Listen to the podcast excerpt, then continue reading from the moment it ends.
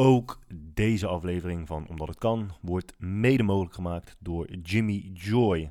Check voor de allerbeste en lekkerste maaltijdvervangende shakes jimmyjoy.nl en gebruik kortingscode GUYDROOG bij je bestelling. En natuurlijk ook mede mogelijk gemaakt door Under Armour.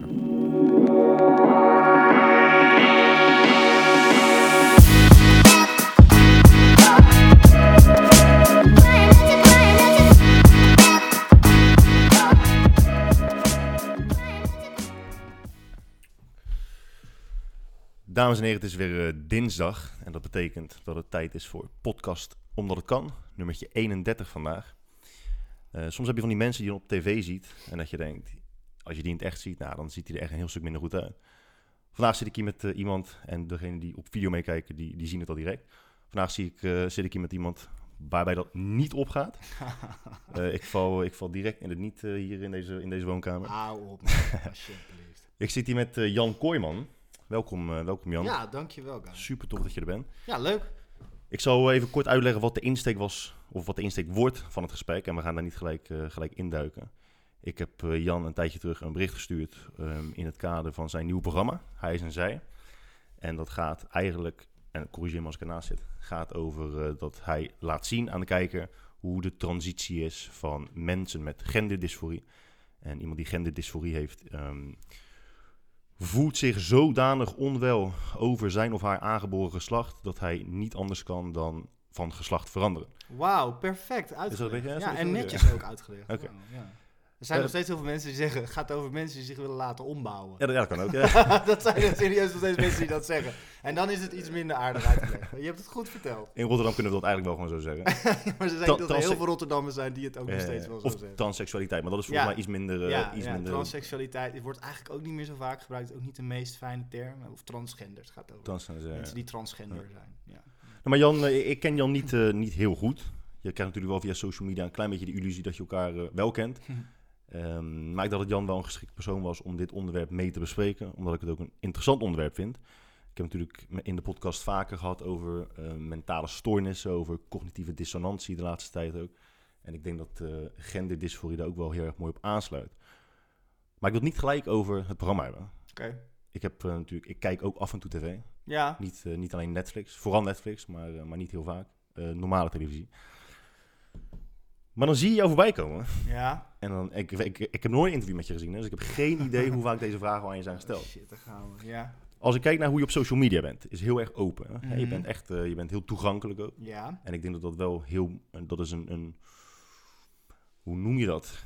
Een mooie verandering binnen de showbiz. Ik denk dat vroeger, eh, en nu nog steeds eigenlijk voor heel veel mensen geldt, dat als ze status BN'er hebben verkregen, dat ze zich verheven voelen boven de rest Ja? En daarmee behoorlijk ontoegankelijk worden. Maar de mensen die dat niet hebben, eh, ik denk dat, dat, dat je dan wel tot de uitzonderingen behoort. Oh, oké. Denk ik. Ja, Vind ik. Zo, zo, zo ervaar ik het. Hè. Maar met bepaalde dingen ben je best nog wel afgeschermd, toch? Ja, zeker. Wat ik net tegen je zei, ik heb vandaag of gisteren je, je Wikipedia even doorgenomen. En toen zag ik dus bijvoorbeeld dat je een vriendin en twee kinderen hebt. Ja. Dat- ik, ik, had, ik had echt gewoon geen idee, want dat, zie je Nee. bijvoorbeeld, dat zie je bijvoorbeeld nooit op social media. Nooit, nee. Hoe, hoe, waarom is dat? Nou, dat komt eigenlijk omdat ik social media ook best wel heel erg eng vind, geloof ik. Omdat inderdaad het altijd... Ik, ik, ehm, hoe moet ik dat zeggen? Ik denk dat wij tegenwoordig in een tijdperk leven dat als je over 20 of 30 of 50 jaar terugkijkt op deze tijd, dan zal het niet de gouden eeuw zijn of de drooglegging. Of dan denk ik dat het het deeltijdperk zal heten. Omdat we eigenlijk gewend zijn om alles te delen. Ja. En dat, is, dat vind ik soms best wel heel ver gaan. En ik deel dingen, zeker op social media, die ik leuk vind of die me opvallen of waar ik mee bezig ben of, of qua werk. En dat vind ik allemaal wel leuk. Maar ik deel eigenlijk over mijn gezin eigenlijk zo min mogelijk. Hoe je slokje Ah, hebt. Je ja, hebt- dat, dat was juist de boosdoener. oké, Sorry, ik ben weer... Ik Nee, ben je bent er weer. Ja, ik ben weer. Nee, maar ik deel daar weinig over. Dat heeft eigenlijk te maken met dat ik vind dat iedereen ook zijn eigen keuzes moet maken over wat hij wel of niet wil delen van zichzelf. Hmm. En bijvoorbeeld mijn vriendin heeft geen enkel eh, social media profiel. Die vindt dat niet leuk, vreselijk en heeft er niks mee. En dat is niet omdat ze de vriendin van Jan Kooijman is. Nee, dat had ze al niet. Ze heeft ook nooit hives gehad. En toen was ze ook al de vriendin van Jan Kooijman. En toen was ik nog niet Jan Kooijman Eh, die iedereen kende, mm. maar gewoon anonieme danser bij Scapino Jan Kooijman. Dus zij heeft dat nooit gehad. Ze heeft nooit die behoefte gevoeld en ze heeft er niks mee. Hmm. Ehm, dus zij heeft dat niet. Dus ik heb niet de neiging om haar online eh, te gooien. Want zij vindt dat gewoon niet zo relaxed. Ja. Nou, mijn kinderen zijn 4 en 7. Oké. En dat vind ik nog heel jij bent klein. 37 toen? Ja, ik ben 37. En dat vind ik nog echt heel klein. En ik weet helemaal niet of zij dat leuk zouden vinden dat Ja. ik dat doe. En misschien denken ze nu wel dat ze het leuk vinden. En denken ze als ze 17 zijn van... Jezus pa, waarom heb je dat allemaal online gegooid? En moest je dan mijn luier laten zien? Of dat ik in mijn blote reet door het park rende. En dat is best wel gênant. Zo las ik laatst een heel interessant artikel over een vrouw. Het was een soort van column op de Huffington Post volgens mij.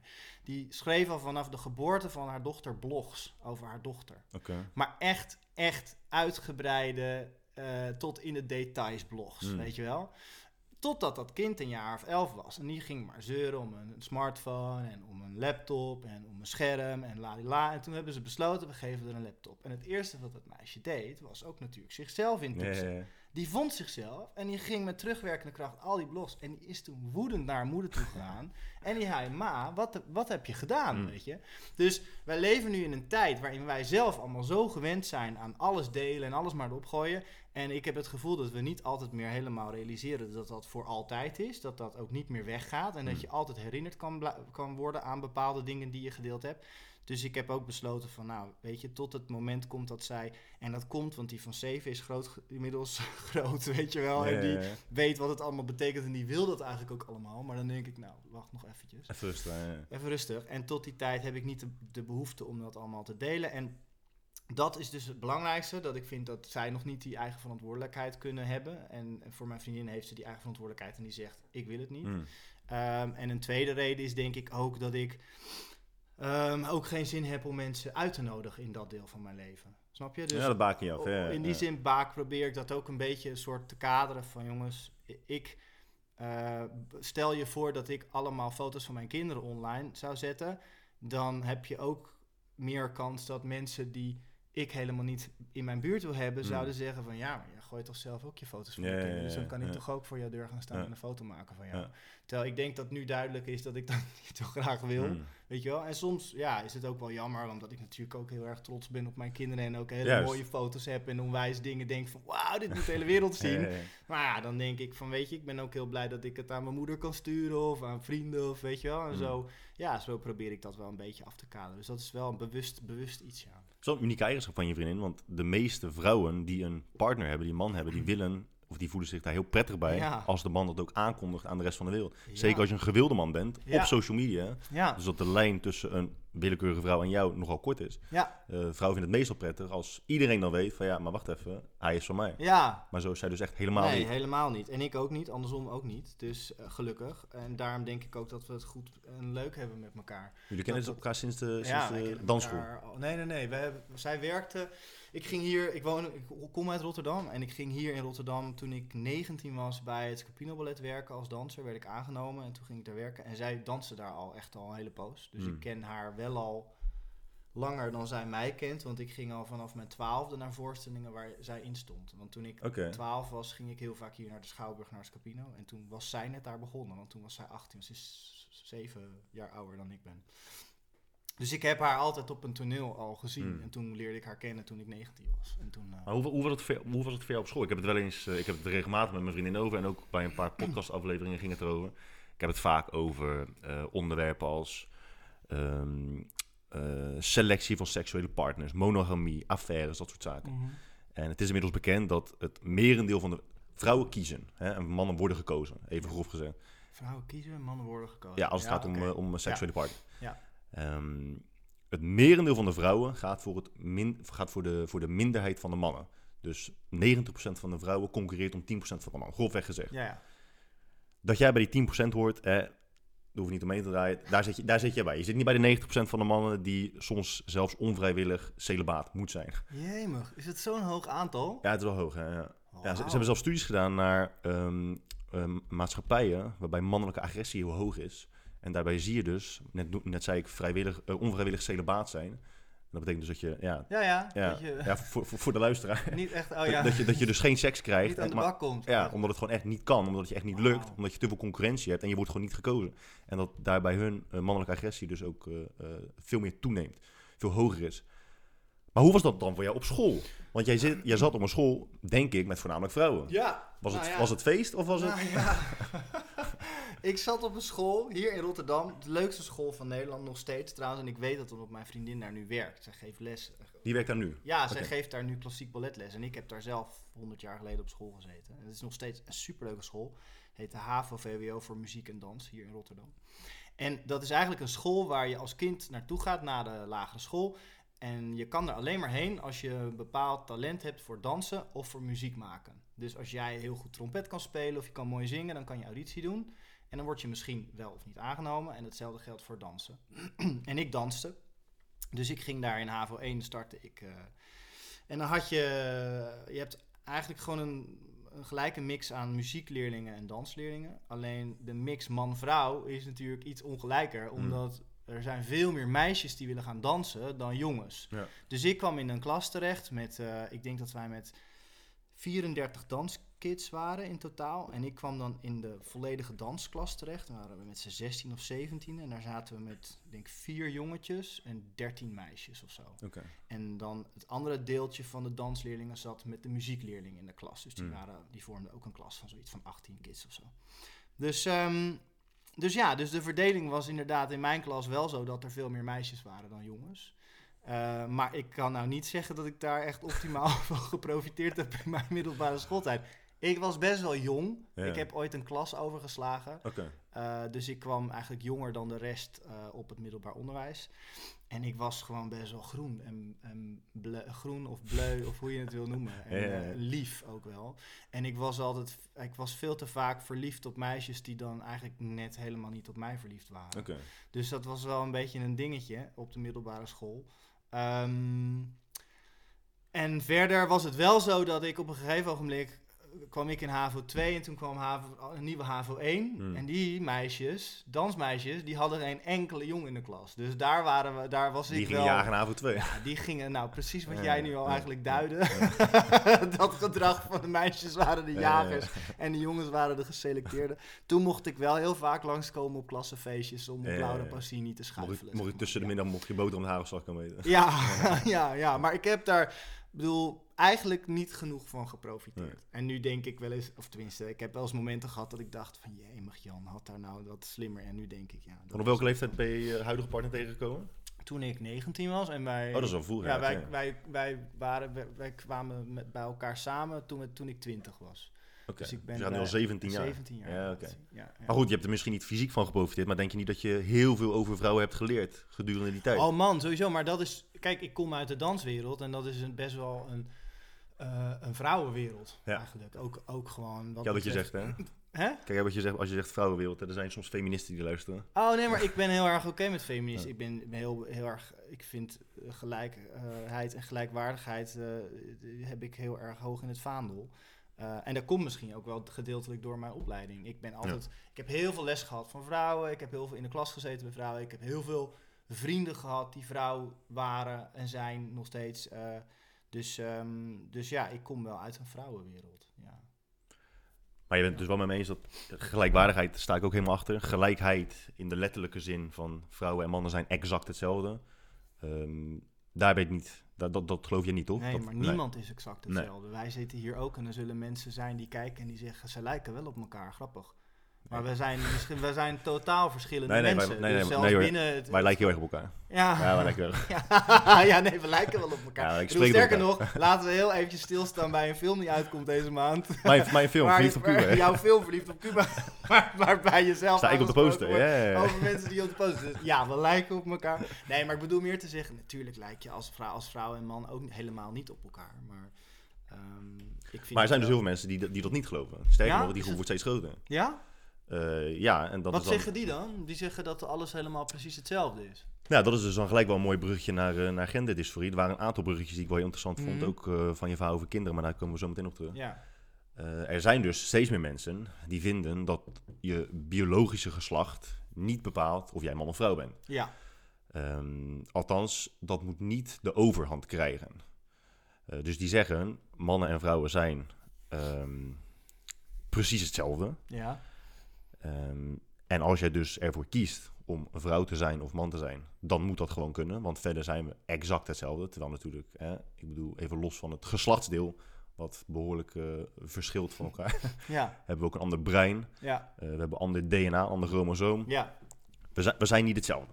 ja. Als we dat even vast kunnen stellen, is dat, is dat natuurlijk wel een, een, een goed uitgangspunt voor, de, voor het gesprek over uh, genderdysforie. Ja, Ik ben heel benieuwd, en ik denk andere mensen ook die het programma niet hebben gezien, hoe jij het hebt ervaren om met bepaalde mensen, en dan wil ik eigenlijk beginnen met volwassenen, ja. Ja. waar, het, of waar het alleen maar jongeren... Nee, nee, nee. Het zijn volwassenen en kinderen. Ehm, eh, ja, dat eigenlijk Nou, laat- volwassenen. nou, misschien wel, hoe, hoe, hoe jong was de jongste? De jongste die ik gesproken heb en die we geportretteerd hebben, was denk ik acht of negen. Oké. Ja. Laten we daarmee, dat, Ja. dat, dat, vind ik interessant. Er zijn nu landen, volgens mij is Frankrijk er één van, Mhm. En zij streven eigenlijk, of zij willen eigenlijk, ze willen dat straks misschien gaan. Als de overheid zich ergens mee bemoeit, is het altijd dwangmatig. Hè? Als het een wet is, dan word je gedwongen om ernaar te luisteren. Mhm. Je hoeft het niet per se te doen, maar dan is het strafbaar. Ja. Eh, dus het wordt geforceerd. Volgens mij is het, is het Frankrijk, maar als iemand weet of ik ernaast zit, moet je dat zeggen.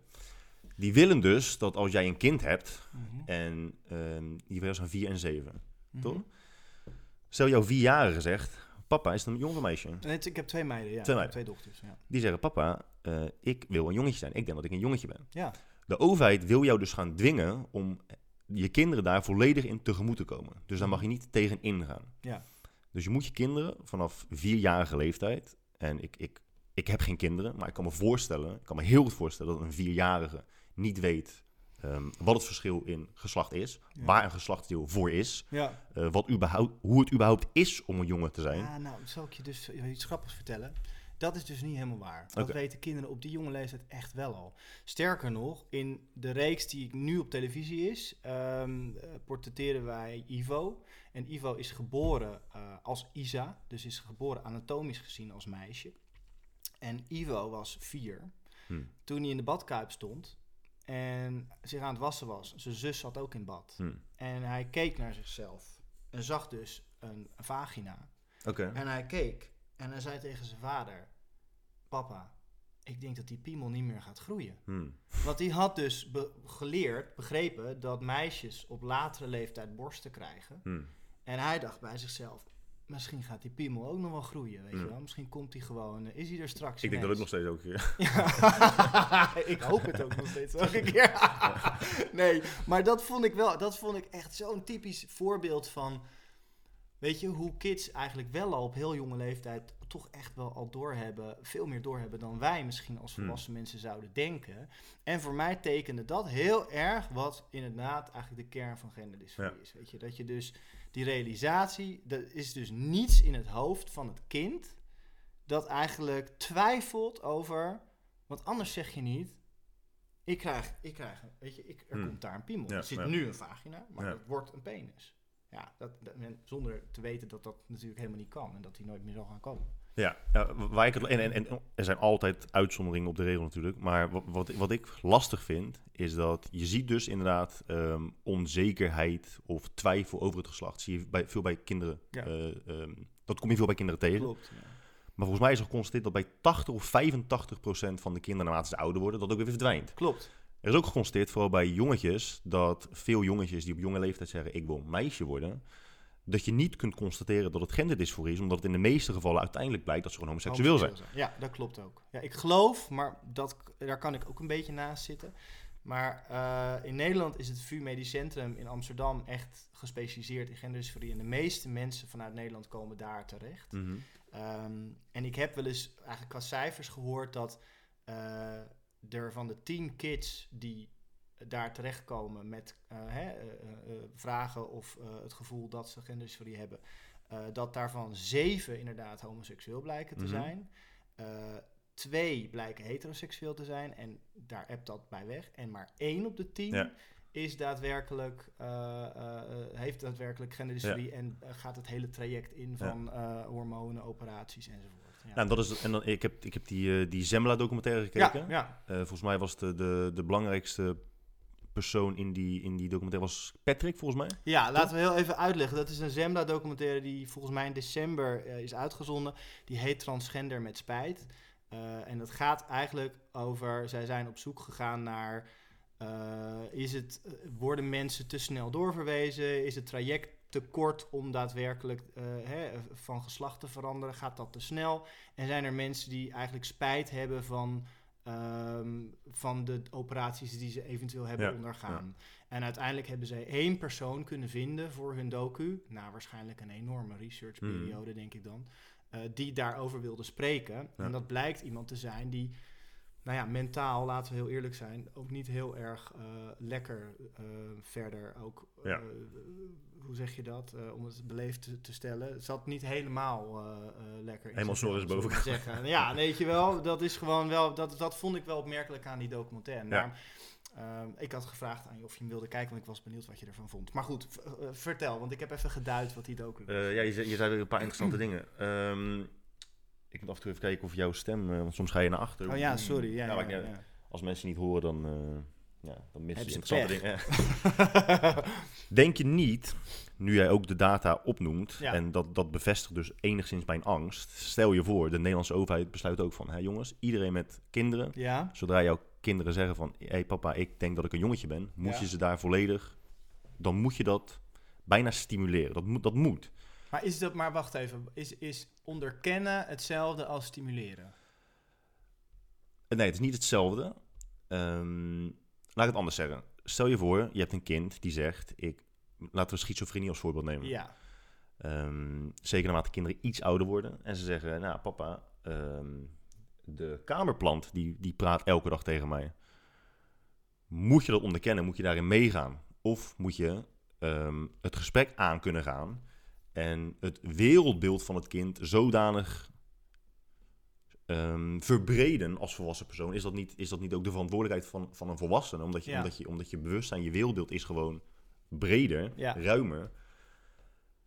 Ze daarin op de juiste manier sturen. Want dat. want denk je niet, ja, maar denk je niet dat, dat als we dat dus niet doen, als, als, als je dus veel meer mee moet gaan in ehm, de kans dat je kind genderdysforie Ja, dat uiteindelijk meer mensen creëren die denken het te hebben, wellicht ook operaties ondergaan Ja. en uiteindelijk denken, oh godverdomme, ik, ik... denk dat dat heel erg meevalt. Oké, Omdat, ik zal uitleggen waarom.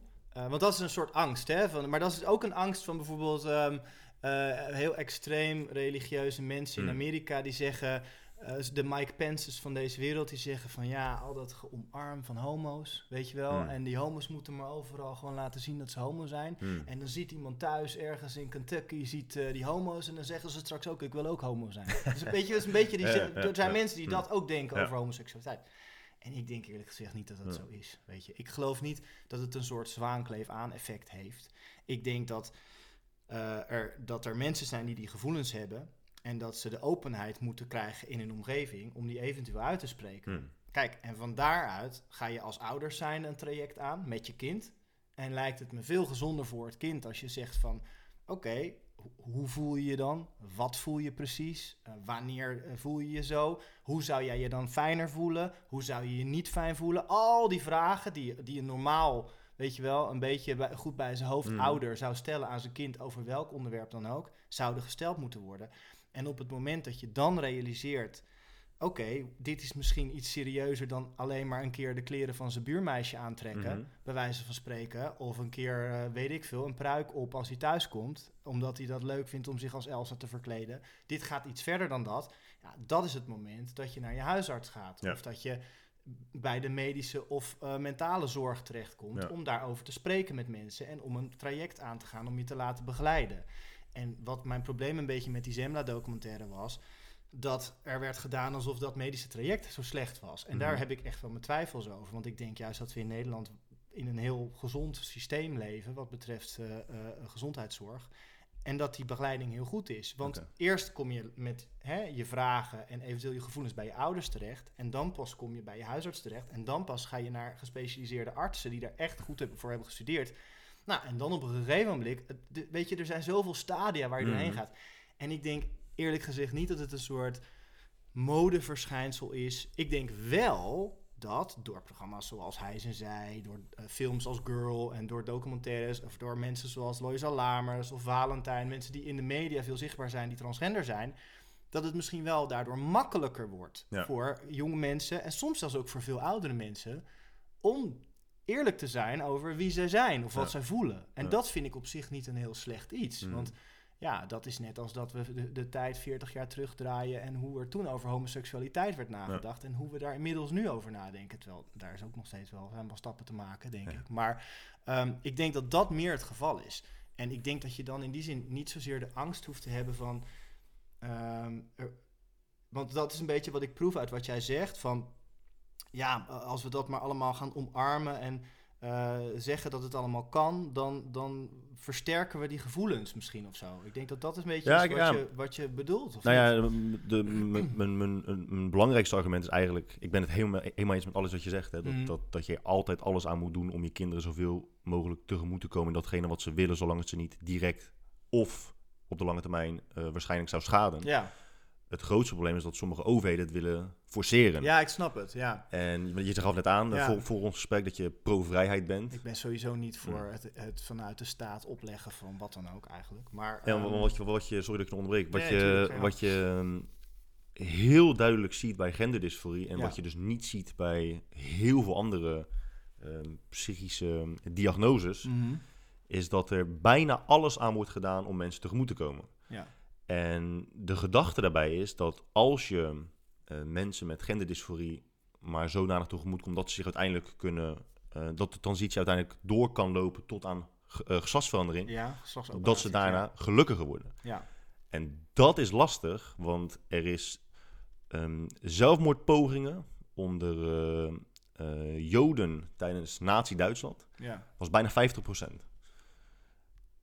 dat is, dat is het, het hoogste percentage in de historie van de mensheid, van wat we weten. ja. Er is één percentage dat hoger ligt, En dat ligt bij transgenders. en dat ligt nu bij transgenders. Ja. Ook na de operatie. Ja, Ehm, en ja, er, er zijn mensen die zeggen, ja, dat komt omdat ze ehm, zich niet geaccepteerd voelen. Aan de andere kant zou ik nu wel durven stellen dat als je in 2019 leeft als transgender in een West-Europees land, is er geen betere tijd om te leven. Eh, dat betekent niet dat het goed is, maar er, Ja. er, is, er is geen betere tijd Ja. geweest. Ehm, en wat je net ook aangaf over die Patrick bij Zembla, ja. hij, hij was niet helemaal, niet helemaal verder in orde. ja, nou ja, goed. Ik denk dat er, dat er ook nog Andere ja, psychische ja, problematiek bij kwam kijken dan... Snap je? Hij was redelijk psychotisch, gaf hij zelf ook aan. En had heel erg, heel erg depressies gehad. En, Maar dat is dus ook wat je bij transgenders in de algemene zin ziet, is dat ze een hogere predisposities hebben, meer aanleg voor andere mentale stoornissen, of mentale eh, diagnoses, het ligt aan hoe je het wil noemen. Ja. Als je direct maar mensen, en toch maar om, om gebrek aan, aan een beter woord te zeggen, dat je ze gelijk tegemoet komt, Mhm. neem je dan niet een te groot risico op dat sommige mensen gewoon niet op de juiste manier geholpen worden. Want Ja. je, je helpt ze niet door ze van geslacht te laten veranderen. Daar help je ze niet mee. Je komt ze tegemoet en het is vaak een, een Ik tijdelijke Ik denk oplossing. dat een heleboel mensen die, die echt daadwerkelijk het hele traject doorlopen, echt wel daadwerkelijk het gevoel hebben dat ze geholpen zijn en een gelukkiger mens zijn geworden. Maar wel vaak tijdelijk, want, want de, de, de zelfmoordneigingen verminderen Ja, maar dat is- bijna nooit. Ja, dat is, maar dat is natuurlijk.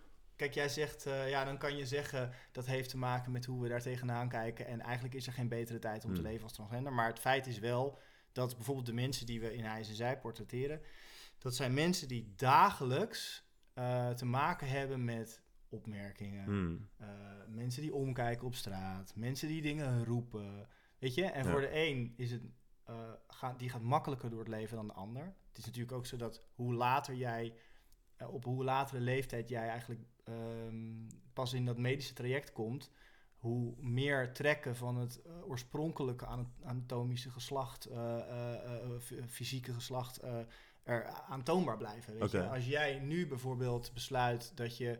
Een poesje wil? Nou ja, ja om het even, om het even, even goed, goed duidelijk te zeggen. Dan blijf jij in je gezicht hele mannelijke trekken houden. Dan is dat veel moeilijker Ja. dan als jij bijvoorbeeld 12 was Ja. en je daarachter kwam. Ja. En tegelijkertijd is dat natuurlijk ook altijd de vraag. Hè? Dat is ook altijd mijn vraag aan alle ouders die, die ik stel. Van, maar kan je nog terug? Weet je wel? Stel dat je bent inderdaad, je hebt een kind van 12 en je besluit om aan puberteitsremmers te gaan, want dat is vaak de eerste stap, zodat de puberteit wordt uitgesteld, zodat een meisje geen borstvorming krijgt en een jongen niet de baard in zijn keel en baardhaar op zijn gezicht. Ehm, stel je kiest daarvoor, kan je het dan nog, kan je dan nog hè, stopzetten. En dat kan natuurlijk in een veel later stadium nog steeds. Maar dat is ook waarom ze vanuit bijvoorbeeld de medische zorg heel erg, eh, wordt er heel voorzichtig eigenlijk met ouders en die kinderen omgegaan. Ook wat betreft het bijvoorbeeld al kleding aandoen van het andere geslacht naar school en dat soort Mm. dingen. Hè? En echt die, die fysieke kenmerken al aan te passen voor kinderen. Ja. Ja, daar wordt wel heel erg veel over ge- gepraat met de ouders en met het kind zelf. En vaak wordt ook aangeraden om dat niet te doen voor het tiende levensjaar. Omdat mensen dan zeggen van ja, maar dan is het voor het kind straks alleen maar moeilijker. Stel dat, dat hij of zij besluit dat het misschien toch anders zit dan ze aanvankelijk dachten. Dan moet je die switch weer terugmaken. En dan Ja. gaan mensen weer tegen je zeggen: huh, Ben je nou geen meisje meer? Ben je nou weer een jongetje? Wat is dat dan? Wie ben jij dan? Weet je wel? Dus, dus daar wordt best wel voorzichtig mee omgesprongen. En ja, jij hebt die, die zelfmoordcijfers zijn, dat geloof ik. Ik wist niet dat die, ja, ja, ik wist niet dat, die, dat die op die manier zo, zo hoog lagen. Maar het verbaast me in die zin niet. Ook omdat inderdaad heel veel mensen die eh, met dit soort, weet je, hier doorheen gaan, gewoon ook inderdaad wel veel te maken krijgen met depressieve klachten. Ja, en met, ja. ja. Ja, ik wil, wat wilde ik nou zeggen net? Ehm, shit, we, we, we, we switchten heel even. Ehm, ja, ze, oh ja, dat wil ik zeggen. Je ziet ook dat inderdaad depressie komt meer voor bij transgenders, of ah, nee, transseksuelen uiteindelijk, die er als vrouw of als man niet goed uitzien. Ja, maar Met dat het is nieuwe precies geslacht. wat ik net zei. Ja, over. Hoe, hoe ouder je bent en hoe later je pas zo'n traject ingaat, hoe moeilijker het is Ja. om te voldoen aan de, eh, hoe zeg je dat, esthetische normen die wij Ja. zouden willen zien bij een man of een vrouw. Ja, ja, maar ja, dan, ja, het is wel gek natuurlijk, want je zou zeggen dat je het volledig voor jezelf doet. Ja. Ja, nou ja, je doet het voor je. Ik denk ook, weet je wat het is ook? Het is ook een, een best wel ingewikkeld iets om altijd maar anders, zijn, anders te zijn dan iedereen om je heen. Ja. Want dat is ook weer zo'n soort van puur menselijk iets dat we toch altijd streven naar een soort van normalisering van de situatie, Ja, weet je wel? ja. Want anders zijn betekent afwijken, en betekent opvallen, en betekent dat mensen altijd iets van je gaan vinden of van je gaan zeggen. En dat is vaak ook waarom bijvoorbeeld in dit seizoen eh, volgen we Elise. En Elise volgden we in het vorige seizoen ook al. Elise eh, eh, was heel erg gelovig. Echt eh, eh, eh, heel christelijk. Ehm, Hoe leerde... oud is, hoe oud is Elise? Elise is denk ik 29 Oké. zoiets. Ik denk of 31, inmiddels zoiets. Maar in ieder geval eind 20, begin 30. En Elise leerde ehm, iemand kennen waar ze, waar, waar ze verliefd op werd. In der tijd eh, Eline, dat was eh, Elise's vrouw op dat moment. En zij kregen twee kinderen. En Elise was gewoon, zag eruit als een hele fitte, gezonde, knappe gast. Maar kwam er langzaamaan achter dat hij geen gast was, maar dat hij vrouw was. En nu volgen wij Elise dit seizoen. En ehm, ondergaat zij ook een aantal stevige operaties aan het gezicht. En dan was mijn vraag ook aan haar van... Weet je, dat zijn operaties. En misschien ook mijn onwetendheid, hè. Want als je zo'n... In dit, in dit geval is het vaak ook... Het is best wel delicate materie waarover je praat. Hmm, en er zijn vaak ook mensen weer kwaad over bepaalde termen... die je wel of niet gebruikt. Maar goed, ik vond het ook wel een legitieme vraag. Want dat is net als dat je aan Kylie Jenner vraagt... je hoeft je lippen niet op te spuiten, weet je wel. Want je hebt ook al mooie lippen. Hmm. En toen vroeg ik aan Elise van ja, maar want die had het echt over de kaak werd zou gebroken worden en hier zouden dingen weggeschuurd en geschaafd worden. En het waren echt stevige Ja. ingrepen en de hele haargrens naar voren worden getrokken. En, dus ik zat zo te luisteren. Het leek wel alsof ze het had over, weet je wel, eh, de, de, de lamskoteletten bij de slager die even werden af, afgehakt.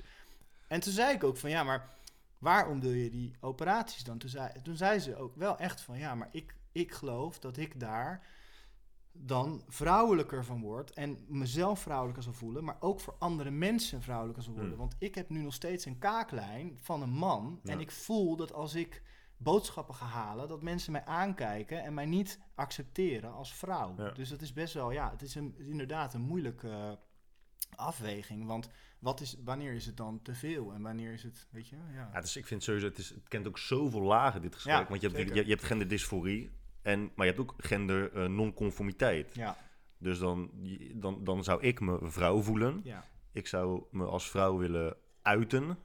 Maar ik zou nooit eh, een geslachtsoperatie willen ondergaan. Ja, precies. En, ja, en, en ook, het is waar, er, zitten, het heeft nogal wat, eh, er zijn nogal wat, eh, wat, wat zijwegen. Eh, je hebt ook bijvoorbeeld mensen die zich agender voelen. Daar Ja. hebben we Oh, dat wil ik ook nog vorig, zeggen, ja. vorig seizoen iemand in geportretteerd, Mick.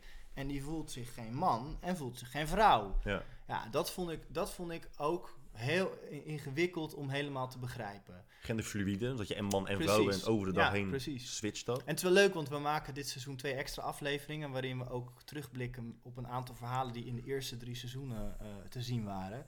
En we gaan langs bij Mick eh, en Mick's vrouw Pita... En die verwachten een kindje, want. Pita is zwanger en ze krijgt... En toen vond ik eigenlijk ook interessant, want we gingen babykleertjes kopen voor het kindje. Toen zei ik ook, ja, maar wat wordt het dan? Weet je Mm. wel, wordt het dan wordt het een jongetje of wordt het een meisje? Toen zei Mick ook van ja, ja, ja, laten we daar niet moeilijk over doen, want het geslacht is gewoon jongetje. Dus-.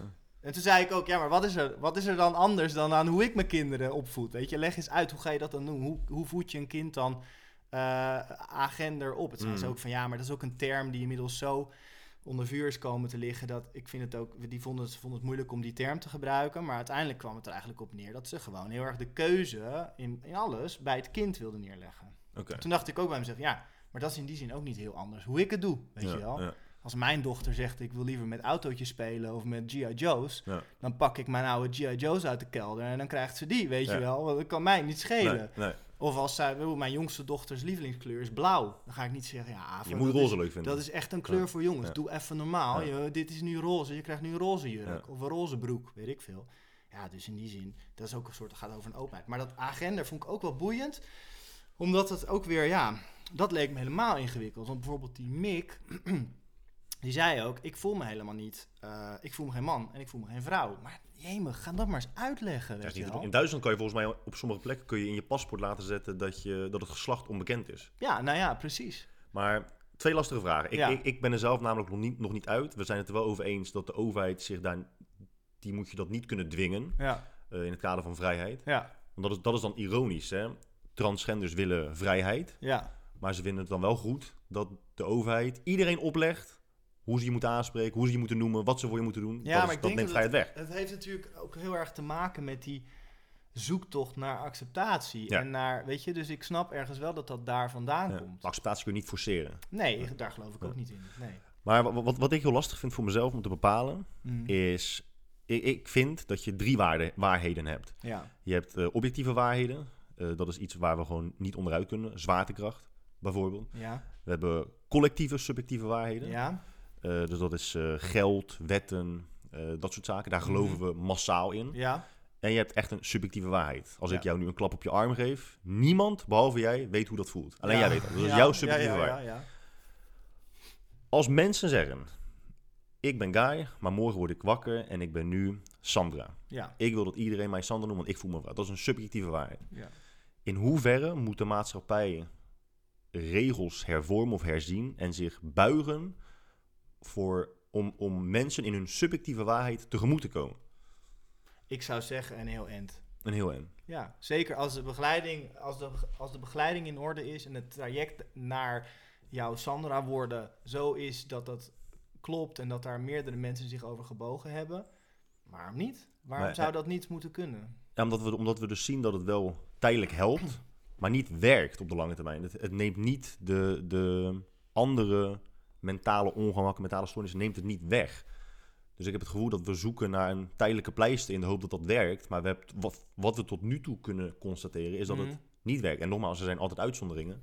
Maar puur Ja. kijken naar statistiek, Ja, eh, we- ik weet is dat niet de oplossing. Ja, maar ik weet niet of dat zo is, weet je. Ik weet niet, ik, ik, ik weet niet of dat zo is. Ik denk, als je gaat kijken naar mensen in onze doelgroep, hè, mannen van eh, rond de 30, dan zijn er ook mensen met psychische eh, problematiek. Mhm. Weet je wel?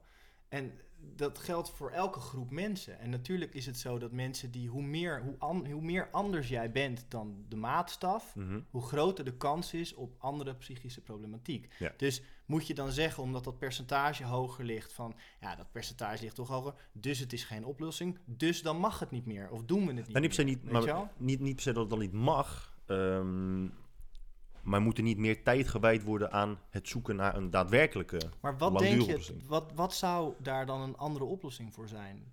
Want Ik ik, heb, echt, ik heb heel veel mensen gesproken die gewoon echt oprecht pas gelukkig werden op het moment dat alle operaties waren afgerond. Ja. Weet je, en ze het hele traject hadden doorstaan. Ja. En dat maakte voor hen het verschil. Ja. Weet je, en het, het feit dat als jij 14 bent en Ehm, je, hebt, je kijkt naar jezelf en je herkent gewoon niet de juiste vormen. En je denkt bij jezelf, wat is dat? Mm. Weet je wel? En iedereen om jou heen, die is zoals jij. Of tenminste, jij voelt alsof jij bent zoals zij. En zij zien er allemaal anders uit.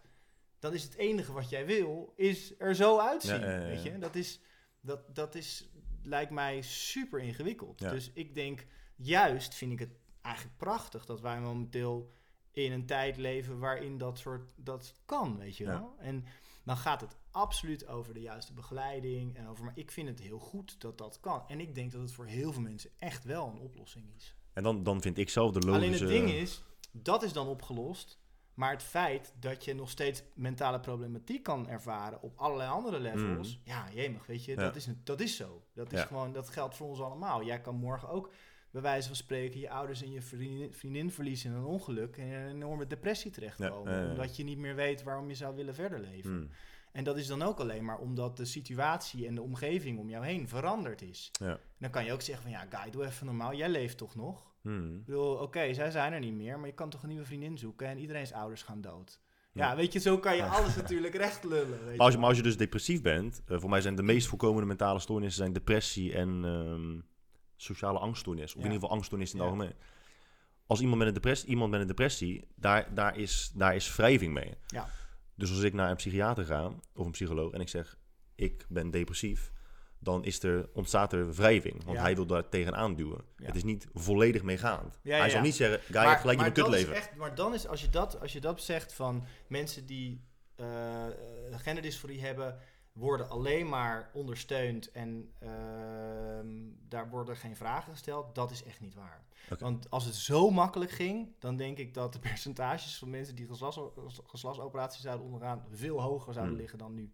En het is echt, je moet echt door een lang traject en er zijn veel gesprekken en het is grappig, want ik heb iemand in mijn directe omgeving eh, die eh, een kindje heeft, die nu eh, af en toe gesprekken heeft bij Mhm. het VU Medisch Centrum. En dat is iemand, het kindje is nu negen. En dat is gewoon een heel lang traject. En Ja. zij maken zich ook klaar voor een heel lang traject. Want dat is, weet je, die is geboren als jochie, komt thuis, trekt het liefst gelijk jurk aan, heeft lang haar en lijkt gewoon een meisje in alles. Maar ja, tegelijkertijd ja, is dat ook nog maar de vraag welke kant dat precies opgaat. En ik Mm. denk dat dat veel belangrijker is, dus om ouders het gevoel te geven van zorg dat er een soort van openheid is, weet je, en zorg dat daar, zoek daarin naar een oplossing en kijk gewoon aan, weet je, hoe die gesprekken gaan, Ja. hoe dat hele traject is. Maar ik denk niet ehm, dat het zo is dat er alleen maar ondersteund wordt en dat er alleen maar meegaat. En het feit dat, dat een overheid eventueel zou zeggen, eh, je moet je kind ondersteunen in die keuzes. Ik vat dat ook veel meer op als wees er voor je kinderen. Hmm. Maar ja, ik weet, ik weet het fijner niet van hoe dat in Frankrijk Nou, is. bijvo- het ja, volgens mij wel. Bijvoorbeeld, neem, neem bijvoorbeeld Canada. Want, omdat je zegt, ja, je moet ze eh, heel veel tegemoet komen. Ja. eh, hè, om iemand, eh, om iemand ehm, te voorzien eigenlijk. Om van iemands subjectieve waarheid de objectieve waarheid te maken. Ik Ja. voel mezelf een meisje. Oké, dus je bent nu volgens iedereen ben je een meisje. Dan twee vragen. Waar trek je de grens? Ja. En dat, dat, die, die vraag kent meerdere aspecten. Neem bijvoorbeeld Emiel Ratelband. Hè, die is Ja. van laatst weer in de picture. Die, die, hij is volgens mij 60 en hij zei, maar ik wil 45 zijn. Ja. Ja, maar kijk, maar daar reageer, daar re- re- reageer Ja, ik- ja. Maar even, los van hem. Even los van, van, de, van de persoon. Het is natuurlijk een beetje een karikatuur. Stel je voor, ik word morgen wakker. Ik Ja. zeg, ja, ik, ik voel me zo. Je, mensen zeggen altijd, je bent zo oud als dat je je voelt. Ja, mooi. Oké, waarom hanteren we dan de biologische leeftijd? Ja, dat is ook zo. Uiteindelijk is dat ook een regel die gesteld is en die we met elkaar verzonnen hebben. Ja, maar dus waar trek je dan de grens? Zeggen, we, zeggen we dan morgen maar allemaal, nou weet je wat, je mag je leeftijd mag je gewoon helemaal vrij uit invullen in je paspoort. En als jij 20 bent, oké, dan gaat iedereen je nu Ja. behandelen als een 20-jarige. Ja, Of als een 15-jarige. ja, ja. Want dat, want dat is het nadeel. Hè. Kijk, ik, snap, Ja. ik, ik ben ook voorstander van mensen tegemoetkomen. Alleen mensen denken vaak, en dat bedoel ik niet jij, maar mensen in het Mm, algemeen, Ja. dat, dat als jij een oplossing hebt voor een probleem, dat daarmee het probleem verdwijnt. Maar een oplossing voor een probleem creëert nieuwe problemen. Ja. Een heel ander simpel voorbeeld, Zwarte Pieten discussie. Ik Mm. snap dat mensen daar, ehm, daardoor zich ongemakkelijk voelen, onwel door voelen, dat ze dat als racisme beschouwen. Maar als je mensen ergens in tegemoet komt, ontstaan er nieuwe problemen. Want mensen zoeken altijd de nieuwe grens op. Ja. Als in Canada, ben ik benieuwd wat jij daarvan vindt. Mhm. Ik noem jou hij. Voornaamwoord is hij. Voor vrouwen gebruiken we zij. Canada wil nu doorvoeren. Voor mij, heb- ik weet niet of ze dat al hebben gedaan of dat ze dat willen doen. Ze willen je dus verplichten om transgenders met een ander, met een specifiek voornaamwoord aan te spreken. Je moet ze met een bepaald voornaamwoord aanspreken. Dat moet. Want zij zijn een nieuw geslacht. Ehm, Hè? Maar dat lijkt me helemaal niet in het voordeel van mensen die trans zijn, eerlijk gezegd. ja, want, ja, want ze, willen toch switchen van geslacht. Maar dat zijn, misschien is dat meer voor mensen die agender zijn. Of, ja, ik denk dat dat. Ik denk genderneutraal en agenda. ja, die dat, klopt, want dat is hier ook. Die, want ik begreep inderdaad van, van inderdaad Mick bijvoorbeeld, die agenda is, die vertelde mij ook dat eh, de voornaamwoorden dan die of hun zou, zouden zijn. Dus dat je het hebt het over, hé, hey, daar is die Ja, en, en dat is hun jas. Oké. Ja, maar dat, ik vond dat ook ingewikkeld en dat vond Mick zelf ook ingewikkeld. Die wist het ook niet zo goed. Ja, maar ook omdat je gewoon niet weet waar de grens dan Ja, ligt. ja, ja, dat is ook ingewikkeld. Ik vind dat ook ingewikkeld. Als ik morgen wakker word en ik zeg, ja, ik ben, eh, ik ben Genghis Khan. Ja, En zo moet je maar aanspreken. En als je dat niet, ik kan niet gelukkig zijn. En je moet soms, soms gebruik ik ja, als extreme jij voorbeelden. dat fijn vindt, dan kan je gewoon je naam veranderen in Genghis Khan. Ja. Dan is dat zo gebeurd. en dan, moet, ben en dan, jij moet, en Genghis dan moet Khan. iedereen me zo noemen. Ja, maar dat is dat Maar er, een kleine stap. over één Ja. persoon. ja, Maar er- ergens moet je toch ooit een keer een grens trekken. Anders gaan we gewoon allemaal maar onze subjectieve waarheid als objectieve waarheid beschouwen. Dan, dan, ja, dan heb je gewoon chaos op een gegeven moment. ja, denk je dat het chaos creëert? Ik weet het niet. Ik vind het eigenlijk, eh, als het gaat over wie jij bent, de essentie van jou als persoon, dat, dan, daar is leeftijd veel minder belangrijk in dan geslacht. Want leeftijd gaat over, ja, ik wil eigenlijk, ik voel mij 40 of ik ben 70, maar ik voel mij 40 en ik wil gewoon weer werken. Dus eigenlijk is je doel is heb je het over Emiel Raad Bijvoorbeeld, je doel is om nog langer op de arbeidsmarkt eh, aan de slag te kunnen of zo. Denk ik. Denk dat dat het... Of in zijn geval is het denk ik vooral... Ik wil vooral heel erg veel aandacht. En dat lukt me door te zeggen dat ik mijn leeftijd wil veranderen. En het is hem gelukt, weet Ja. je wel. Good for him. Maar ik denk dat in het geval met mensen die trans zijn... dat het heel erg te maken heeft met eindelijk worden wie je echt bent. Ja. En dat is iets anders dan je leeftijd willen veranderen of je naam willen Maar veranderen. ik vind dat je wel een goed voorbeeld aankaart. Want stel je voor, je helpt mensen wel inderdaad om langer actief te blijven op de arbeidsmarkt als Ja. ze jonger zijn. Ja, Dus dat vind ik wel een sterk voorbeeld. Want Ja. stel je voor, 70-jarigen staan nu massaal op en die zeggen, ja luister even, wij willen gewoon werken. natuurlijk. Dus ja. verander onze leeftijd naar Maar 40. dat, ik kan me niet anders, ik kan me geen andere belangrijke reden eh, bedenken om van leeftijd te willen veranderen. Maar dan als, als, we het één, als we het één goedkeuren, moeten we het andere ook goedkeuren. Ja, maar ja, je zou het ook kunnen oplossen door te zeggen. Nog eh, langer doorwerken. Ja, we, Ja, rekken ja. de leeftijd wat op om nog door te kunnen werken. Of mensen die 70 zijn kunnen, weet ik veel, voor een ander salaris aan de slag in plaats van die allerhoogste schaal waarin Mm. ze ooit stopten toen ze 65 waren, waarom ze nergens meer een baan krijgen. Want Ja, ze zijn en wat ouder en fucking duur. Ja. Weet je wel, dus Mm. weet je, dan denk ik, waarom gaan we dan niet naar oplossingen te- eh, op zoek? Ik ben meer van het patroon van laten we een ops- oplossing vinden. En net als in de Zwarte Pieten discussie, denk ik bij mezelf, heel eerlijk, vind dat een heel rare discussie geworden, waarin twee groepen, Twee groepen Eh, volwassenen vooral. twee groepen volwassenen Ja. allerlei motieven hebben gevonden waarom zij ruzie willen maken met andere volwassenen. Ja. En aan de ene kant staan een stel extremistische, racistische mensen en aan de andere kant staan een stel heel extremistische linkse mensen. Mm. Wij- even Ja, gepolariseerd. absoluut. En heel eerlijk, gaat het helemaal niet meer over die kinderen. Want Eens, ik zou je zeggen.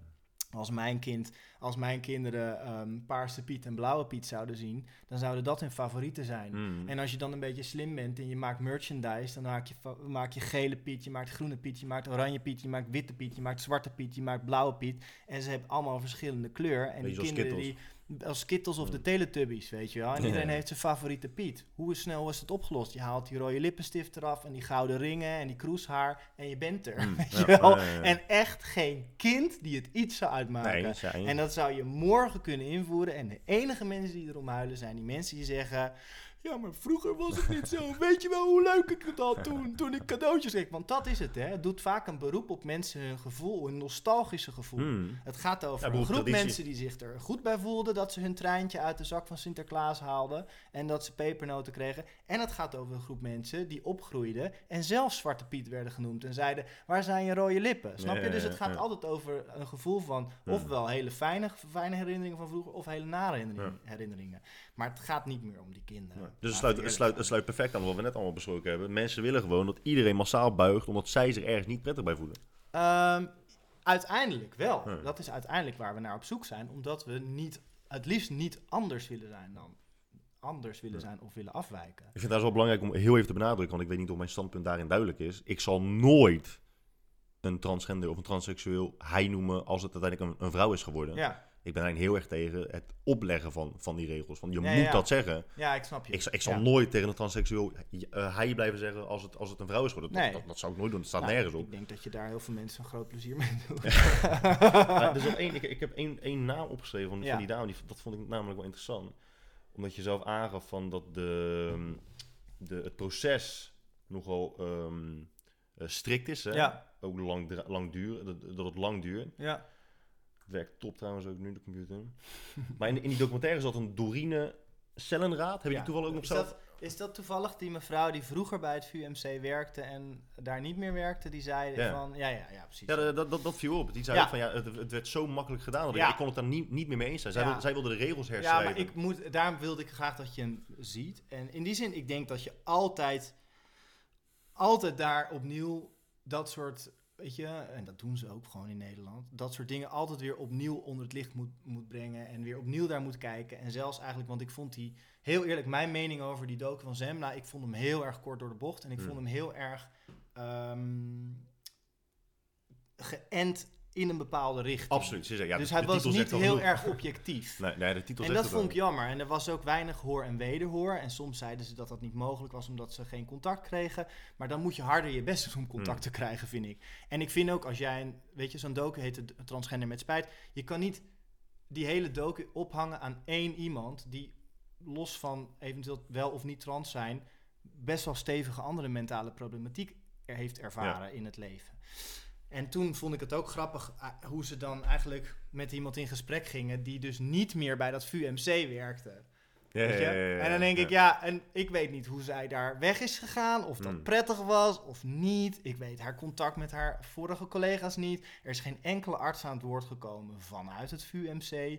Snap je? Dus ik vond het in, in alles vond ik het gewoon niet zo heel erg goede research gedaan. Ja, ja dat, zie, dat, dat vind ik met de meeste documentaires tegenwoordig. Je ziet dat de maker begint met een conclusie in zijn hoofd en Ja, bouwt vervolgens alles eromheen. over het algemeen media en televisie, en zeker ook documentaires, altijd opgebouwd zijn als een sprookje. Hmm. Dus je begint met er was eens, dan ga je dat uit de doeken doen en dan moet het rond zijn. En soms is een verhaal of een onderwerp helemaal niet rond. Hmm. En dan, ja, dan moet je de, de conclusie een beetje in het midden laten. Ja. Maar het is natuurlijk veel spannender om een docu te maken over transgenders. Die heet Transgender met Spijt. Ik was ook gelijk getriggerd. Ik dacht, oh wauw, dat wil ik wel zien. Ik ben Ja. wel nieuwsgierig daarnaar. Maar het moeilijke vond ik aan die docu is dat je... En dat was ook, ik heb daar best wel veel over gelezen, ook online gewoon qua reacties. Heel erg vanuit de, de mensen binnen de transgenderwereld voelt het wel weer als een trap in de maag van, zie je wel, ze willen weer doen alsof wij niet bij ons hoofd zijn, Hmm. snap je? En dat vond ik niet zo goed aan die docu Ja. eigenlijk, dat dat overheerst. Maar jouw punt van die vrouw die zegt het traject is te kort en het gaat allemaal te makkelijk. Ja, nou, in Er, was, mijn... er was niemand die tegenovergestelde zei ook, hè? Dat is ook Nee, zo. precies. Ja. Maar in, in mijn ervaring als maker van Hij is en Zij... en hè, persoonlijker misschien eh, bekende van iemand die nu in dat traject terecht is gekomen... weet ik dat het echt niet zo gemakkelijk gaat als die mevrouw het deed voorkomen. Ja, ja, ja. Dus dat, vond, dat kan ik er alleen maar tegen inbrengen. ja, ik heb, ik heb Sterker nog, wij, dat, is iets, dat is een soort rode draad door het programma heen. Er zijn zoveel teleurstellingen van operaties die weer worden uitgesteld. Of waar het weer niet door mag gaan. Of toch nog even wachten en langer doorgaan met de hormonen. Hmm. En, weet je wel, dus het is eigenlijk, in mijn ervaring, eh, gaat dat juist veel trager dan de meesten inderdaad zouden willen Ja. dat het gaat. En dat is waarschijnlijk ook met de reden, denk ik dan hoor. Ja, ik, denk, ja ik, ik hoop en ik denk, zeker op basis van wat jij nu zegt, dat ze dus echt wel eh, ehm, het niet te veel willen forceren en uiteindelijk zoeken naar een langdurige, gezonde, niet dat dat ongezond is, maar meer met mentale, langdurige gezondheid als, uit- als Ja. uitgangspunt, dat ze daar nog wel echt heel erg naar op zoek zijn. Ja, Eh, wat ik wel interessant vond, want in het begin zeiden we van dat, dat je niet mensen echt dingen oplegt of het gevoel geeft dat ze misschien wel uh, genderdysforie hebben. Je hebt bijvoorbeeld het, het eh, nocebo-effect, tegenovergestelde van het placebo-effect. Ehm, neem bijvoorbeeld wifi-signalen. Toen eh, wifi-modems massaal werden verspreid in, in huishoudens, toen kwam er een keer op tv dat je van wifi-straling onwijs koppijn krijgt, misselijk wordt. Nou, mensen die gingen allemaal naar de dokter. Iedereen had er last van. ja, Je hebt, ehm, hoe heet het, van, ehm, als je bij de Chinees gaat ja, eten, er zit, er zit een conserveringsmiddel in, hoe heet het, ook, eh, veetzin of zo. ja, ja. ja. Was toen keer- ja, ja. was toen een, een nieuwsbericht over, ja, als je dat eet, dan kan je misselijk worden, kan Ja. je duizelig worden. Iedereen had dat in één keer. Ja. Neem bijvoorbeeld RSI. Twee jaar geleden had iedereen RSI. Waar is iedereen met Nee, RSI nu weet het. Het zijn, natuurlijk. en in die zin geloof ik wel. Maar het ding is ook dat zeg- al die mensen met RSI-klachten, die komen bij de dokter terecht. En die dokter heeft gewoon meer werk eraan. Hmm. Maar uiteindelijk denk ik dat de doorstroom naar daadwerkelijk, weet ik veel hoe je je RSI op, oplost met een operatie. Stel dat het een operatie zou Ja. zijn. Ik geloof dan nog steeds niet dat de mensen die echt doorstromen naar eh, een operatie zoveel hoger zal zijn als eh, daarvoor. Misschien wel iets, omdat er gewoon ook meer mensen zich aandienen die daadwerkelijk. Maar in dit geval denk ik dat het niet zo heel erg zal schelen. Nee, ik wil ook nogmaals benadrukken, ik denk ook echt niet dat het een hype is. Hè? Ja. Eh, ik zou bijvoorbeeld wel geïnteresseerd zijn in de cijfers bijvoorbeeld van mensen die daadwerkelijk van geslacht veranderen. Of dat dan ook zo'n enorme toename heeft eh, genomen de afgelopen jaren. Ja, zit- dat zit- weet ik eigenlijk niet. Ik zit te kijken, wat ik had, ik had iets genoteerd. Ik had eh, onderscheid gemaakt. Je hebt je, je hebt je biologische geslacht, hè? hoofd. dan Mhm. heb je genderdysforie. Ja. Dus dat je je het andere geslacht voelt. Je voelt dat je het andere geslacht bent. Dan heb je genderexpressie. Dus je, je voelt dat je man bent, maar je, maar je wilt je als vrouw uit, eh, uiten. Mhm. En dan heb je nog seksuele voorkeur. Maar wat had ik opgeschreven? Eh 99,5 99,97% van alle, van alle mensen voelt gewoon dat ze het geslacht zijn waarmee ze worden geboren. Dus we hebben het al, heel dit gesprek gaat al echt over de absolute, absolute, absolute minderheid. Wauw, dat Gaat is wel een heel laag percentage. Fractie van de wereldbevolking. Ja. Echt een fractie Ja. van de wereldbevolking. Dan heb je ehm 95% van de mensen die zich voelt als hun, geboren, of als hun aangeboren geslacht, uit zich ook op die manier. Ja. Ehm, ja, ja, dus je, je hebt het echt, echt. En dan ook nog het overgrote merendeel daarvan is ook nog eens heteroseksueel.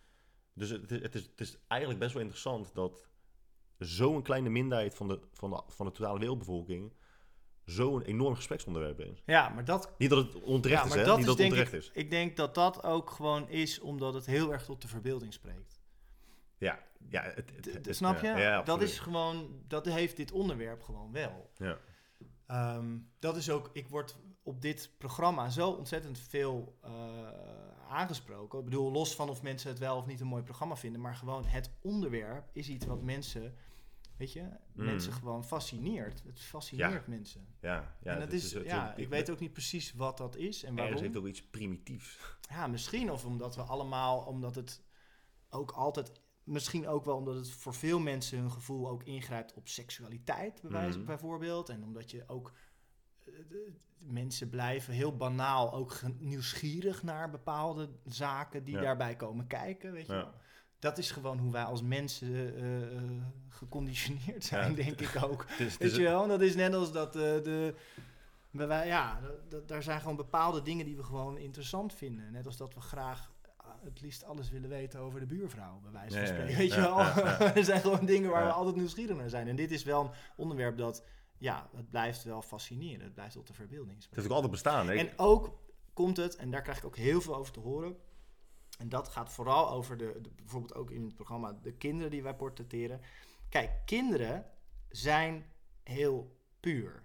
En jouw argument van ehm, een soort zwaankleef-aan-effect, dat, i- dat is niet toe te passen op kinderen. En ik weet dat ook uit mezelf, omdat ik zelf kinderen heb. Maar kinderen vinden gewoon iets. Snap je? Ja, maar kinderen zijn ook wel heel, heel vatbaar voor suggestie. Ja, Volwassenen nee, zijn Nee, dat 100%. Maar oh, oh, kinderen zijn zo puur Mm. en ehm, voelen eigenlijk alleen maar. En eh, dat is ook het grappige als bijvoorbeeld dit onderwerp eh, hebben. Ik heb regelmatig mensen gesproken en bijgestaan die eh, bijvoorbeeld aan groepen gingen vertellen dat ze trans waren.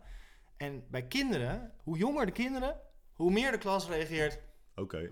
Oké, Oké, nou, ook prima. Zullen we nu Ja. met de blokken gaan spelen, Ja. weet je wel? En dat, is, dat vind ik echt mooi om te zien. maar dat is omdat En- ze het niet echt begrijpen. Nee, geloof ik niet. Dat is omdat ze er niet om geven. Dat is omdat het ze niet kan schelen. Omdat ze nog niet verpest zijn door hoe het eventueel allemaal zou moeten zijn, Hmm. denk ik. Ja. Ik denk dat dat veel belangrijker is bij kinderen.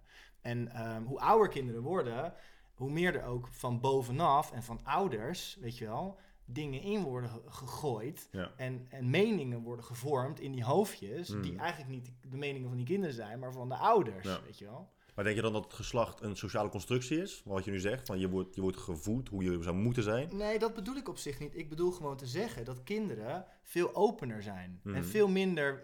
ehm, Ja, die kennen taboe ook Kinderen kunnen niet, ook zeggen, eh, eh, bijvoorbeeld een meisje kan ook heel makkelijk zeggen, ik ben verliefd op haar. Ja, Want, ja. Snap je? En dan voelen ze dat misschien wel echt zo, of niet, weet je wel. Maar dat is, daar zit nog helemaal geen, eh, hoe zeg je dat? Daar zit helemaal niet nog achter Is wat er voor ons allemaal bij komt kijken als jij nu zou zeggen dat je op een van je vrienden verliefd bent. Snap je? Want dat betekent dan dat jij gay bent of dat andere mensen zullen zeggen dat jij gay bent. Ja, Snap je? Dus in die zin zijn kinderen nog veel opener. Ja.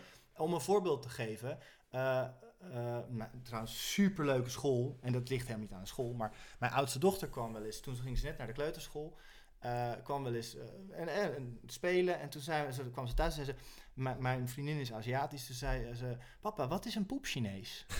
en toen zei ik... Toen zei ik... Ik was echt even zo van... Wow, dat is een best wel raar woord. En, ja, oké. oh, oké. En toen zei ik... Oh ja, maar ja, die en die zei tegen mij poep Chinees. Toen dacht ik...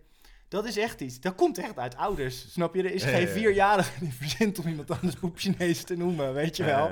Dus dat, dat soort dingen. En daarom vind ik wel... Wat is jouw definitie dan voor poep Chinees? ik, eh, een heel slecht woord. Een heel onprettig en onaardig woord, heb ik gezegd volgens mij.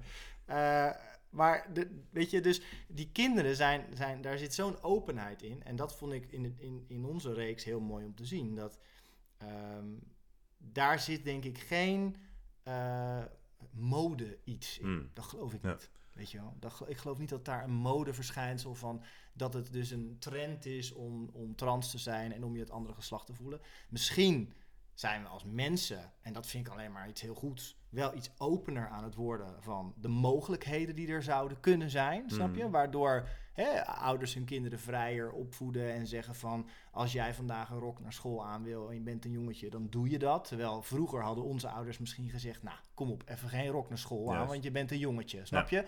Dus dat is natuurlijk wel een beetje aan het veranderen. Ik weet niet of dat een slechte verandering is of iets goeds, dat weet ik eigenlijk niet.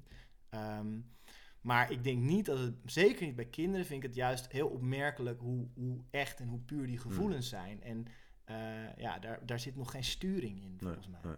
Ja, ik zie, ik zie dat in dat opzicht. eh, ik, ik denk dat kinderen het gewoon oprecht niet weten. Jij spreekt heel veel over gevoel inderdaad. Kinderen voelen alleen maar.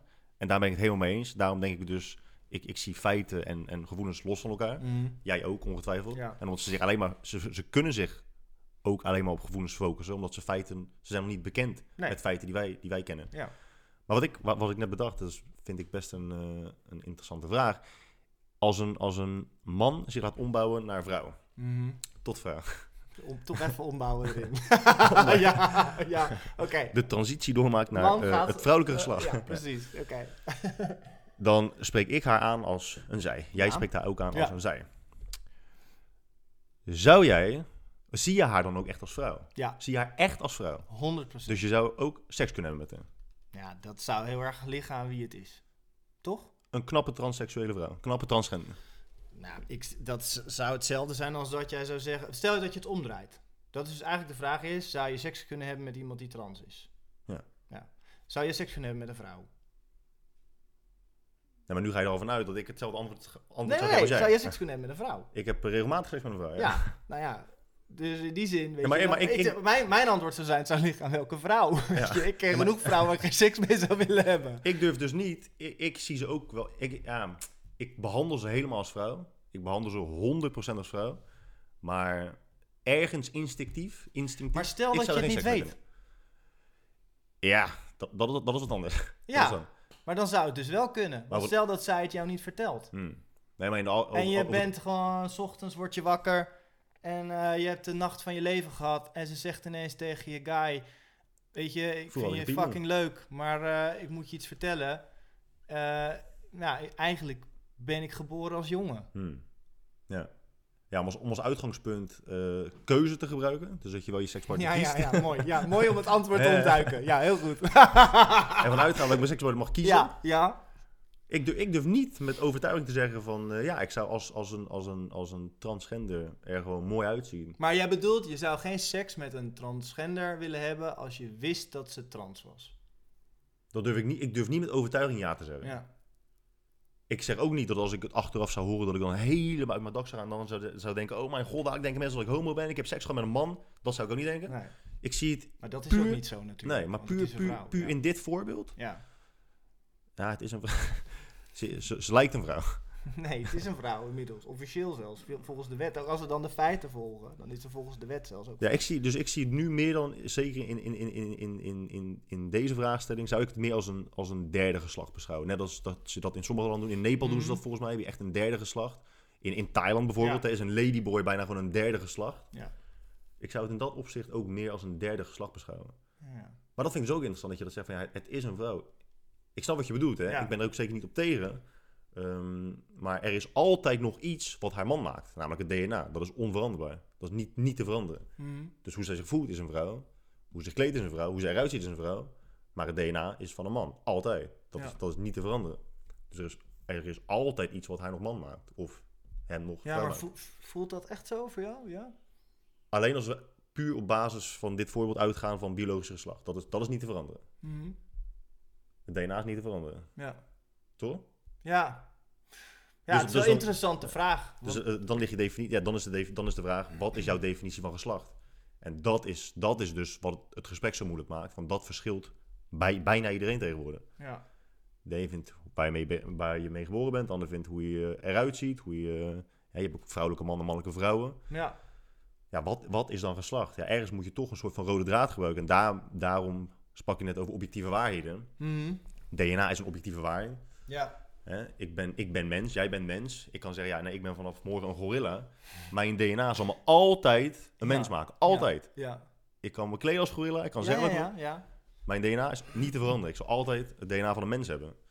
Ehm, en dat, ja, dat, en dat, dat hebben transgenders uiteindelijk denk ik ook nog een beetje tegen zich. Maar de, de, de discussie is puur hypothetisch. Niet- Ja, ja, het is- Mijn standpunt is gewoon puur hypothetisch om, om het te nuanceren, om, om alles te belichten. Ik ben echt in geen enkel opzicht eh, erop tegen. Ik ben ook heel erg eh, in dat opzicht meegaand. Ik, ik wil ook gewoon echt dat mensen, zeker omdat het een steeds groter probleem lijkt te worden, Mhm. dat die mensen daarin eh, in geholpen worden. Maar ik ben er dus niet van overtuigd dat dat de beste manier is om ze te helpen. En wat dan? wat dan? Wat is dan niet de beste manier om ze te helpen? De, de, de volledige transitie. omdat, ik denk dat er heel veel transgenders zijn, of mensen met genderdysforie zijn, die hopen en denken dat dat het antwoord zal zijn. En misschien dat over 10 of 20 jaar die, ehm, die cijfers over suicidale gedachten, of daadwerkelijk. Nee, volgens mij is het nog erger.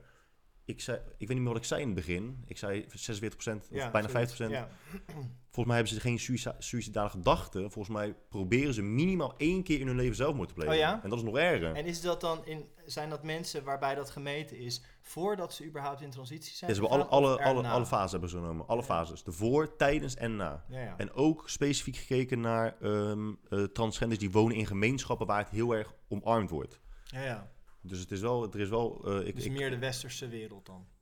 Ja. Ja. en dan kun je natuurlijk altijd nog zeggen in hoeverre wordt het dan geaccepteerd. Want dat is natuurlijk ook weer eh, een, een lastige kwestie.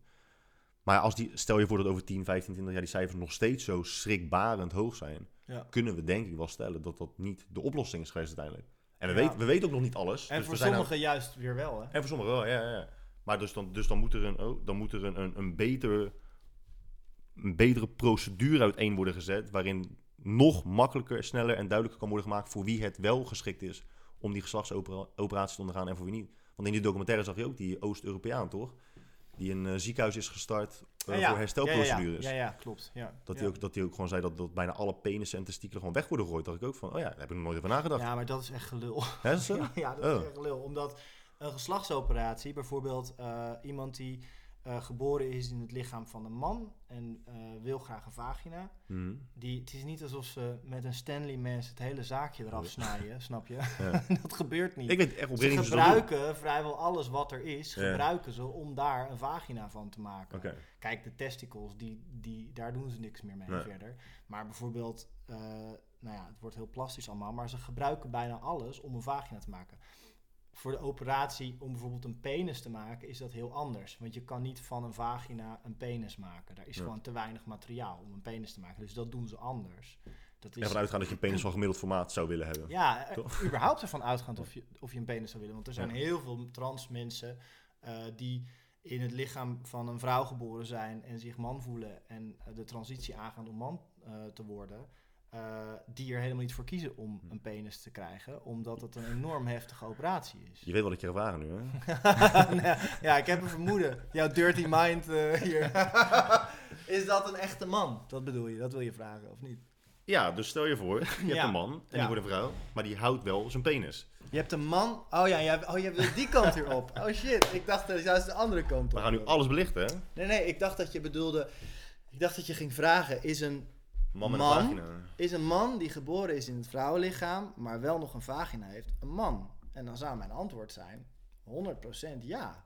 Oké. Want uiteindelijk ben jij wie jij voelt dat je bent. En ik ben in die zin wel heel erg voor dat er een vrije keuze is om te kunnen bepalen wie jij bent. En ik Ja. ben echt de laatste die iemand zal ontkennen wie hij zelf zegt te, te zullen of Ja, voelen ja. zijn. Maar daar trek jij dan ook geen grenzen in, want je zegt duidelijk, ik vind dat je gewoon moet zijn wie je wil zijn. Ja, eigenlijk wel. Geen grenzen. Nee, ik ben vrij grenzeloos. Dus, dus, een vrouw met een penis? nee, het zou niet mijn voorkeur hebben. Maar hij zou nog nee, het zou niet mijn voorkeur Nee, hebben. maar het zou nog steeds wel een vrouw zijn. Maar dan het zou een vrouw zeker met, een vrouw maar een zijn. vrouw met een penis. Ja, ja. Maar dat klinkt al tegenstrijdig. Als je het uitspreekt, klinkt het al tegenstrijdig, toch? Of klinkt het voor jou gewoon perfect? Nou, vind je het een man dan? Ik vind het een... eh, ja, dus, dus daarom is misschien wel een derde geslacht de beste optie. In sommige gevallen. In zulke Ik weet, gevallen. het, ik weet het niet. Ik weet niet of wat jij in je broekje hebt bepaalt wie jij bent. Snap je? Ik geloof niet dat dat, dat, dat noodzakelijkerwijs jouw identiteit bepaalt. Identiteit niet, maar wel je geslacht. En die zie ik wel los van elkaar. Ja, weet ik niet. Ik geloof daar niet zo in. Ik denk dat jij heus wel kan bepalen dat jij zelf een vrouw bent. Het ding is meer van, ehm, ja, het zijn, ik vind het keuzes. En ik vind dat mensen daar vrij in moeten mogen zijn Ja. in welke keuze zij maken daarin.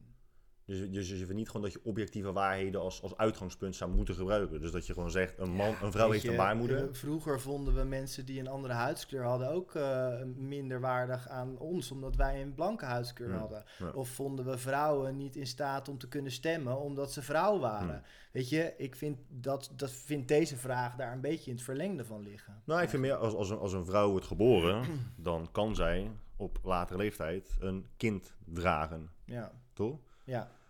Op een gegeven moment kan Ja, zij zich niet, dus niet laten... elke vrouw. Nee, oké, van, even Ja. van, van gezonde vrouwen uitgaande. Ja. Ehm, Maar ja, is een vrouw die niet gezond is en geen kind kan baren, weet je wel? Dat is, Ja, die- die zijn moeilijke die vragen, ja, ja, ja. hè? Je Nou, komt dan op een glijdende schaal. die is suboptimaal voor de evolutie.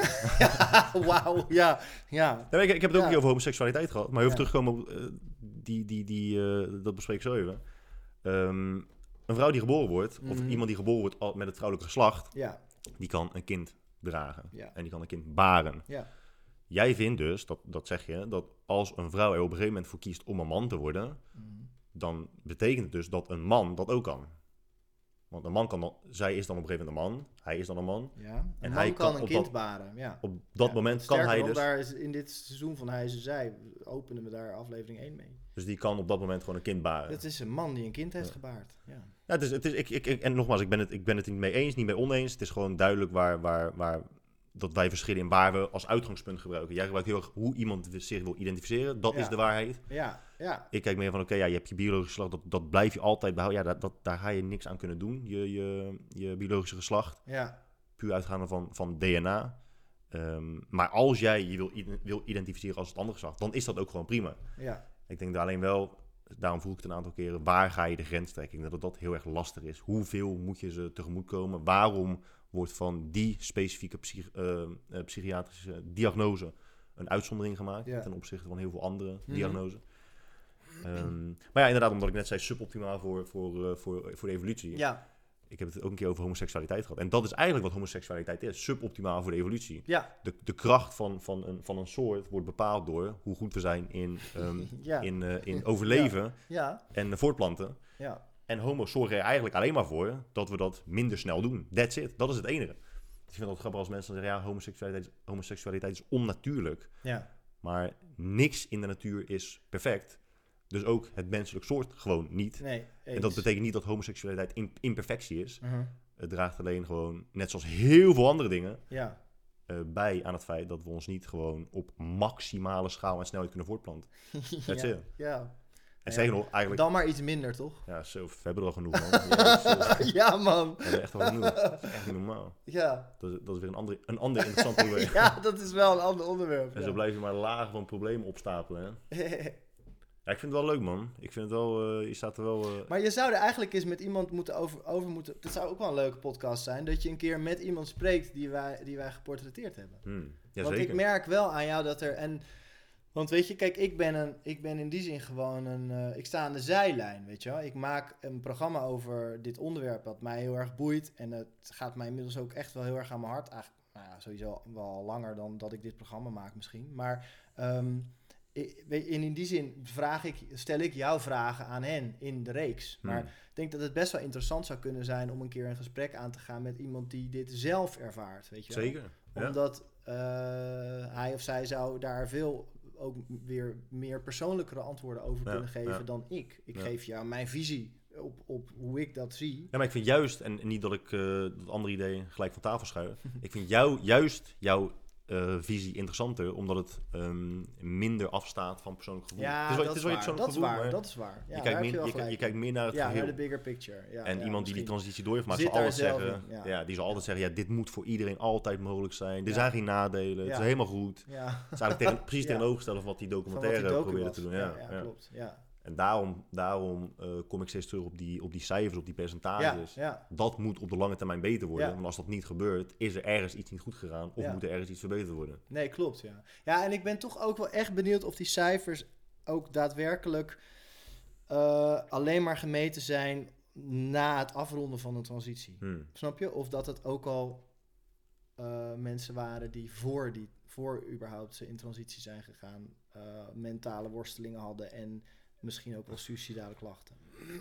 Ja, want, ja, want daar hebben we het ook eh, kort over gehad net. Dat ze inderdaad, als jij eh genderdysforie hebt, dan is de kans al een heel stuk groter dat je ook andere mentale eh, klachten Ja. hebt. Ja. Nou ja, zoals dat met heel veel mentale problematiek is natuurlijk. Ja. Mensen die ehm, bijvoorbeeld een dwangstoornis hebben, ehm, hebben wellicht ook vaker autistische klachten dan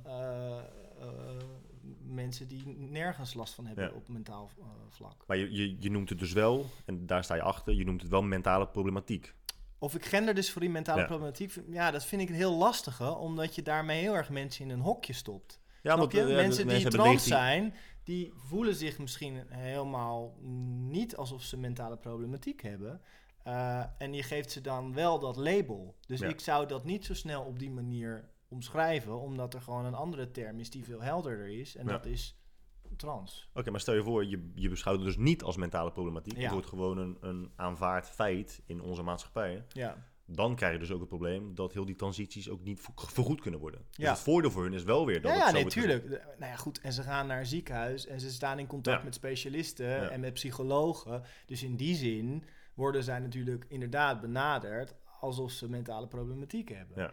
Dus ehm, ja, dan is het meer, weet, weet je wel, als, dat niet, als, dat niet zou, als dat niet zou gebeuren, als ze, als ze dus besluiten, nou, we doen, we doen dat niet meer, dat, dat zullen ze nooit doen, maar stel je voor, ze doen dat wel, dan zal er ook geen onderzoek meer naar worden gedaan hoe het beter kan. Nee, Want bijvoorbeeld mensen die verslaafd zijn, even na, niet verslaafd, ja, wanneer, wanneer is het verslaving? Mensen die te veel laten verbouwen aan zichzelf, ja. Eh, dat wordt ook niet gezien als mentale problematiek. Daarom wordt Ja. plastische ja chirurgie je ook niet bedoelt vergoed. tegenwoordig met al die jonge kids die gewoon maar aan allerlei operaties gaan. Ja, die met zulke lippen, zulke tieten. Ja. Ja. ja, sommige mensen houden ervan. Ik, ik zelf geef daar niet de voorkeur aan. Nee, Dat wordt ook niet gezien als pro- eh, mentale problematiek. Is het natuurlijk ook ergens een vorm van, waarschijnlijk. Maar Ja, maar zo wordt dus niet de gezien. onderliggende laag ervoor. Zo wordt het niet beschouwd. En ze laten ze massaal allemaal verbouwen. Ja. En ze worden er niet gelukkiger van. Ja, ja, ja. Dus daarom de, de grens afbaken is echt, echt belangrijk. Ja, en, nee, maar- en meetbaar maken of het beter wordt. Nou ja, en daarom denk ik dat wij in eh, dit systeem in Nederland, denk ik dat, en daarom wel nogmaals niet zo heel erg enthousiast over die docu. Ik geloof namelijk best wel dat wij hier een goed systeem hebben. Wat betreft wel, eh, ja. mensen die, die in transitie gaan.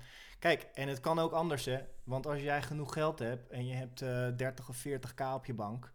Dan kan je dat hele eh, systeem hier in Nederland omzeilen. En dan ga je naar het buitenland. En dan heb je gewoon alle operaties achter elkaar. En dan Hmm. ben jij in nog geen jaar tijd ben jij klaar. Ja. Zo kan het ook, Ja, weet je. ja. Maar er wordt in Nederland echt wel nagedacht over hoe daarmee om te gaan. Ehm, en daar moeten we misschien wel iets meer vertrouwen in hebben dan dat Zembla misschien Ja. had. Is dat, is dat een populaire zender? Wordt, wordt daar veel naar gekeken? Zembla, Ja. Zembla is volgens mij wordt uitgezonden op Nederland 2 en is van de uh, VARA BNN. En dat is gewoon een, eh, ja, het is een soort, ze maken een soort docu-reeks. Maar wordt het, wordt, het, veel- wordt het veel bekeken? Ik weet eigenlijk niet of het heel goed bekeken is. Er was best wel wat om te doen eh, toen deze uitzending er was. Ook omdat natuurlijk de hele trans-scene er wel echt wel overheen viel. Hmm. Ehm, maar ik weet in absolute getallen eigenlijk helemaal niet wat daar naar gekeken is. Misschien, ja, wat zal het zijn geweest? Tussen de 200 en 300.000 mensen of zo. Dat is best... eh, Ja, dat is best wel veel. Toch? Ja. Leuk man, ik vond het een, eh, ik vond het een leuk gesprek. Ik ook, je, man. kan er, je kan er Dank echt voor over de blijven. Ja, graag gedaan. Je kan over blijven, ouwe hoeren. Ja, ja, dat is zeker waar. Ja. Maar dan, ja, moeten we straks, dan moeten we straks avondeten bestellen. ja, laten we dat niet doen. ik vond het eh, echt hartstikke leuk. Nogmaals Ja, bedankt, eh, bedankt voor alle tijd die je hiervoor hebt Tuurlijk, gedaan. graag gedaan. Dank voor de uitnodiging. Graag gedaan man, dankjewel.